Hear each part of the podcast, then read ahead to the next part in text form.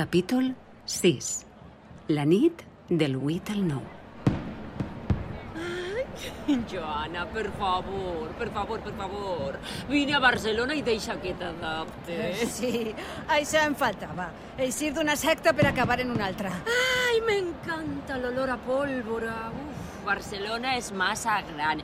I la gent, la gent és més reservada. Sí, el fet que portes 4 o 5 cerveses de més pot ser que t'ajude a veure-ho tot millor.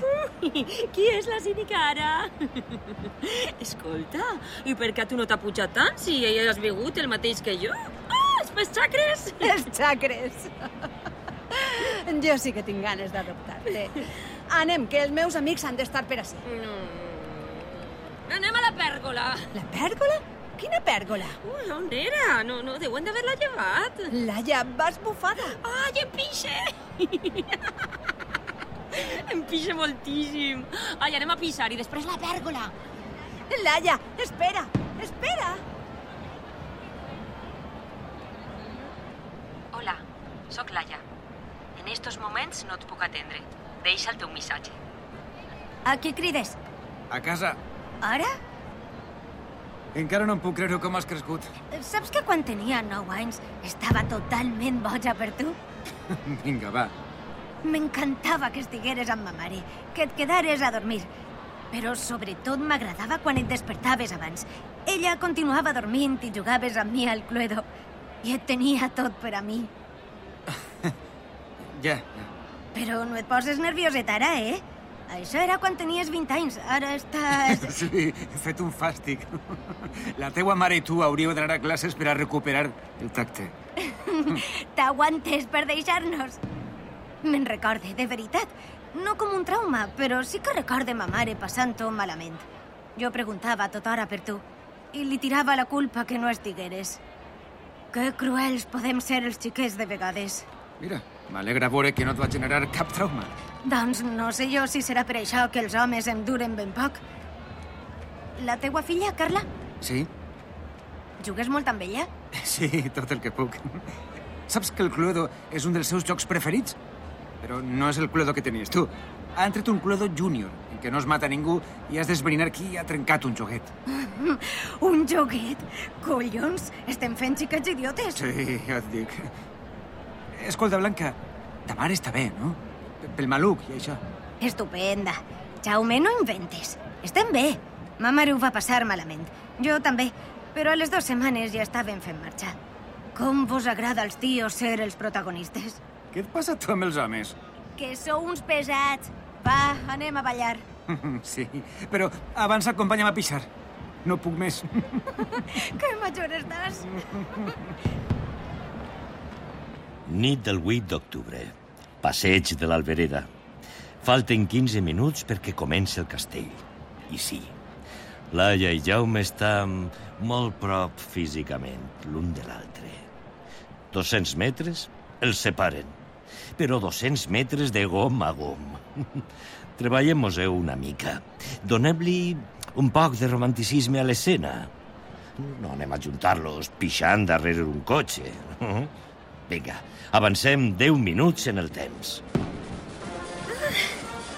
Vine, vine, puja a la pèrgola. No es pot, Laia, està prohibit. No veus que hi ha uns plàstics? Fa 20 anys també ho estava. Vinga, Joana, que sóc jo la que passa dels 40. Ah, D'acord, però la multa la pagues tu. Si venen a tirar-nos, els fem una abraçada. I Laia i Joana pugen a la pèrgola. La gent les mira malament. Joana sembla demanar perdó quan la gent les mira. Uns altres decideixen emular-les i, i pugen també. La música continua sonant i de manera màgica unes deu persones munten un xicotet espectacle de ball del qual gaudixen centenars d'espectadors des de baix. I saps què et dic? Laia trau de la butxaca la xicoteta clau del cadenat del pont de París. Que li donen a l'amor caldós. Jaume, i als finals feliços. I la clau sobrevola diversos caps per acabar al llit del riu Túria. Estàs com una xota.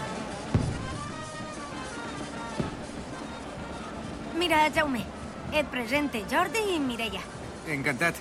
Escolteu, ho veiem des d'ací o ens hi acostem més? No sé què dir-te. Si ens acostem, potser canvia el vent i comencen a caure les restes de les carcasses. Que cagueta eres, tio. Si voleu, ens hi acostem. S'ha muntat un bon ciri. N'han pujat uns quants a la pèrgola i s'han posat a ballar com bojos. No, no, això no ha sigut el cor de Jaume, sinó el primer avís dels focs artificials. Falten dos minuts. Per on estava la pèrgola? Jo passe. Així davant, a uns 100 metres. Però això està petat, no hi arribaràs.